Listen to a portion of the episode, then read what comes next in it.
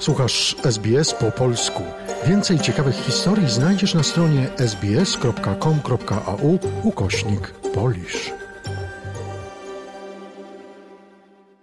Sytuacja w Ukrainie. Aktualne informacje. Współpraca w zakresie energetyki była jednym z głównych tematów spotkania prezydenta Ukrainy z przewodniczącą Komisji Europejskiej.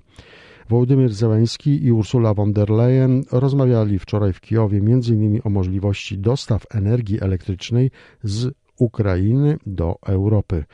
Przewodnicząca von der Leyen mówiła o wsparciu dla walczącej Ukrainy. Ogłosiła, że Unia Europejska przekaże fundusze na odbudowę ukraińskich szkół.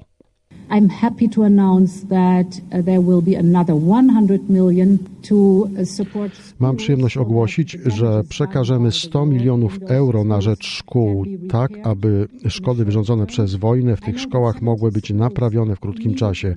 Wiem, że 70 szkół potrzebuje natychmiastowej rekonstrukcji. 70 tysięcy dzieci czeka na powrót do szkół i to nas motywuje do tego, aby działać najszybciej jak to możliwe. Wczoraj prezydent Ukrainy również poinformował w wieczornym wystąpieniu, że w wyzwolonym spod okupacji rosyjskiej Iziumie odnaleziono masowe groby. Na miejscu pracują już służby, które zajęły się badaniem mogił. Prezydent Zełenski powiedział, że na miejsce zostali zaproszeni również dziennikarze.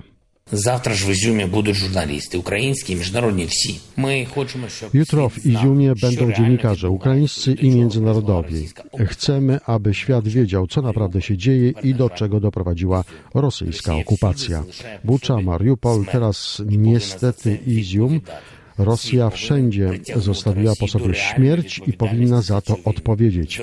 Świat powinien pociągnąć Rosję do prawdziwej odpowiedzialności za tę wojnę i zrobimy wszystko, aby tak było. Wieczna pamięć wszystkim, którym okupanci odebrali życie, powiedział prezydent Zełęński.